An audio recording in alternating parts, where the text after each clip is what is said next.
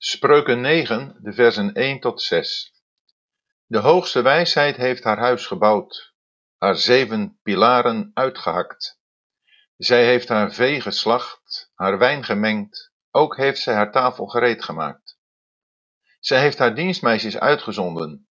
Zij roept op de toppen van de hoogte van de stad. Wie is er onverstandig? Laat hij hierheen afwijken.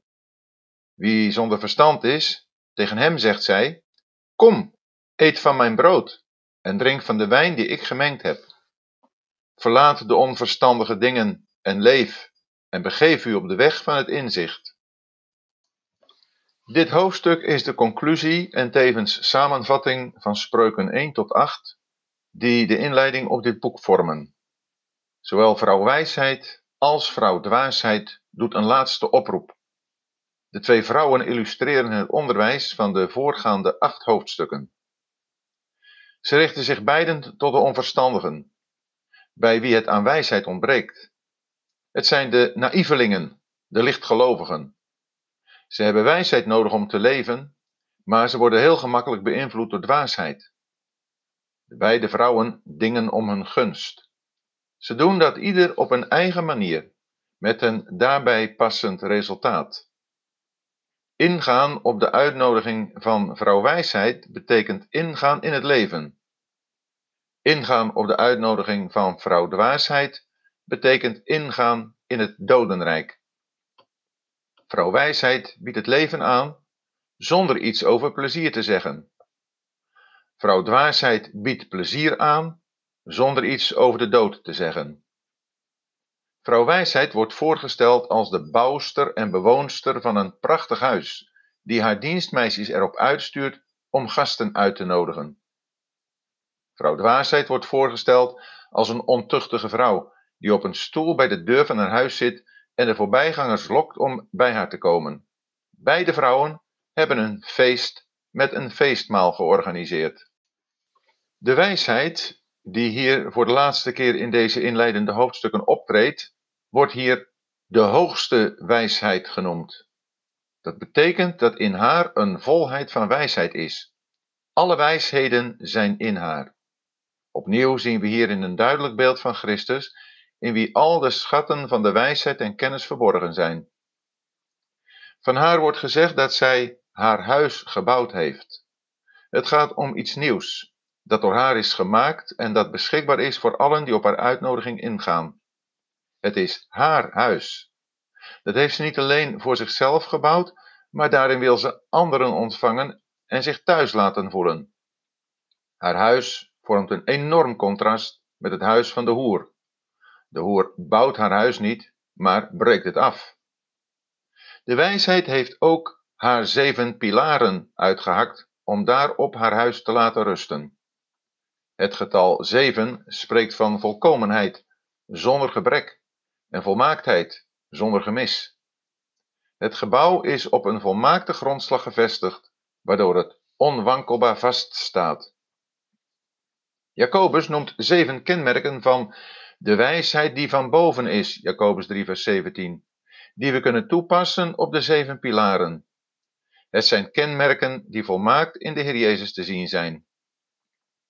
Het eerste kenmerk van de wijsheid is dat zij rein is. Jacobus benadrukt het belang daarvan door van de reine te zeggen dat zij de eerste plaats inneemt. De volgende kenmerken vloeien daaruit voort. Reinheid is een eerste vereiste, omdat het om Christus gaat die rein is. De wijsheid is vervolgens vreedzaam. Christus is de grote vredestichter.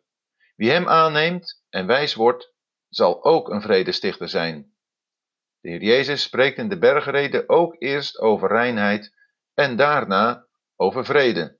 Matthäus 5, versen 8 en 9. Een volgende pilaar van het huis van vrouw wijsheid heet inschikkelijkheid.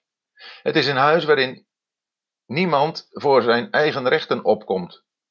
Hoe inschikkelijk was Christus?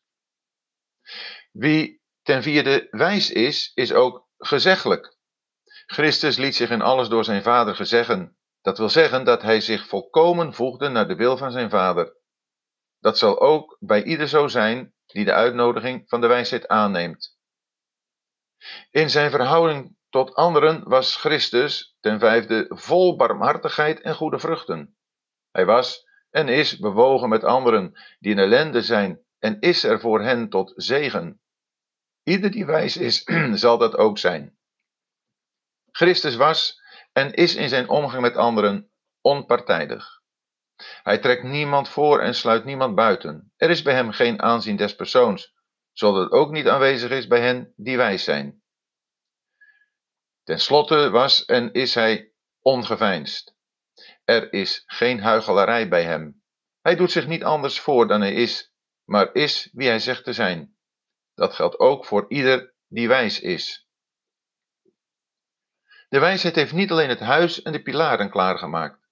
Ze heeft ook in het huis zelf alles klaargemaakt om de genodigden ontvangen en te eten te geven. Het menu bestaat uit vlees en wijn, uit eten en drinken van het beste soort. Dat zij haar vee geslacht heeft, laat zien dat zij haar eigen vee gebruikt. Hierin kunnen we een verwijzing zien naar Christus die zichzelf in de dood heeft gegeven als een voorziening voor zondaars. Alleen op grond van zijn dood kunnen zij tot het feestmaal komen.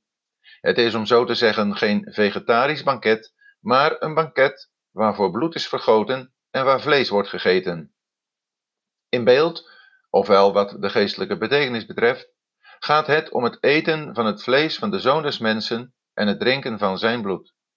Door het eten ervan krijgt iemand eeuwig leven, maar dat moet gevolgd worden door het voortdurend eten ervan. Johannes 6, versen 53 tot 56. Omdat er, gezien de uitnodiging van vrouw Wijsheid, door anderen van dit vlees gegeten mag worden, kunnen we denken aan Christus als het dank- of vredeoffer. Het dank- of vredeoffer stelt Christus voor in zijn werk aan het kruis, op grond waarvan gemeenschap met Hem, met God en met elkaar mogelijk is. Dit banket, waar gemeenschap wordt beleefd, geeft behalve leven ook vreugde. Die vreugde zien we in de wijn die zij heeft gemengd. Wijn is een beeld van vreugde. Ook met de wijn heeft zij zich bezig gehouden. Ze heeft die met water of met kruiden gemengd, zodat die van de beste kwaliteit is. De wijn spreekt van volkomen blijdschap die wordt genoten als er gemeenschap is met de Vader en de Zoon en met elkaar. Vervolgens zien we dat zij ook haar tafel heeft gereed gemaakt. Het woord ook wijst op een extra werkzaamheid. Een tafel spreekt van gemeenschap, van iets gemeenschappelijk bezitten en dat delen. Dat er over haar tafel wordt gesproken, wil zeggen dat het haar er niet alleen om gaat de gasten van eten en drinken te voorzien, maar dat zij ook samen met hen eet en drinkt. Haar tafel spreekt van gemeenschap met haar, van het delen in wat haar deel is. Als de wijsheid alles heeft klaargemaakt om de gasten te ontvangen, zendt ze haar dienstmeisjes uit. Door hen roept zij op de toppen van de hoogte van de stad.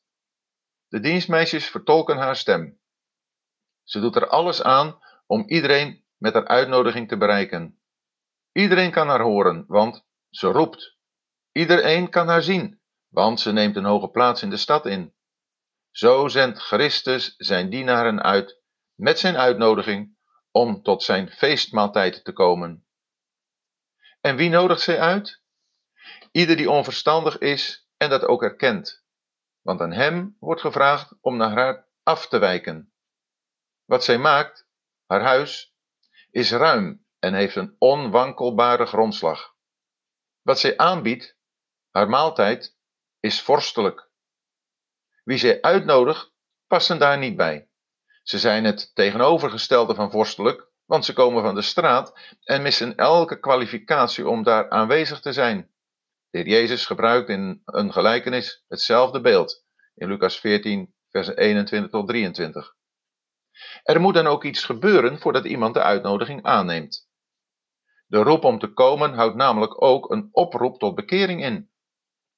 Dat klinkt door in de woorden: laat hij hierheen afwijken. Wat de wijsheid aanbiedt, kan alleen worden genoten als het pad van de zonde wordt verlaten. Wie inziet dat hij zonder verstand is, zal afwijken van zijn onverstandige weg. Hij zal die weg verlaten, zich bekeren en tot de wijsheid komen. Ze nodigt uit, niet om alleen maar te komen kijken, maar om haar van haar brood te komen eten en te komen drinken van de wijn die ze heeft gemengd.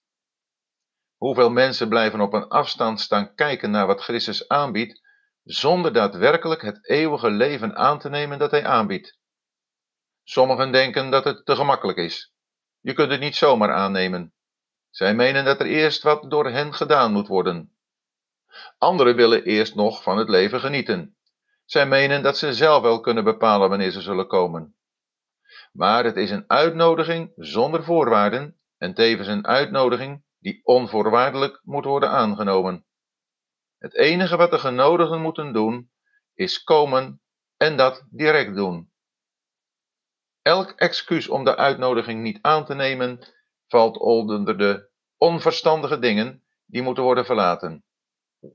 Wie die verlaat, gaat leven. Zolang er geen bekering heeft plaatsgevonden, bevindt iemand zich in de dood. Maar wie luistert naar de stem van de wijsheid, dat is de stem van de Zoon van God, zal overgaan uit de dood in het leven. Dit is het leven in de ware en volle zin ervan dat wordt aangeboden bij de bekering. Wie zich bekeert en leeft, begeeft zich op de weg van het inzicht. Dat is de weg waarop men inzicht toont, een handel en wandel die door inzicht worden bepaald. Het is de weg waarop de gelovige de gemeenschap met God en de zijnen zoekt. Op die weg wordt de schrift gelezen en geraadpleegd en wordt Gods leiding in het gebed gevraagd. Ook wordt de raad of vermaning van medegelovigen gewaardeerd. Deze dingen getuigen van inzicht. Christus, de wijsheid van God, is niet meer op aarde.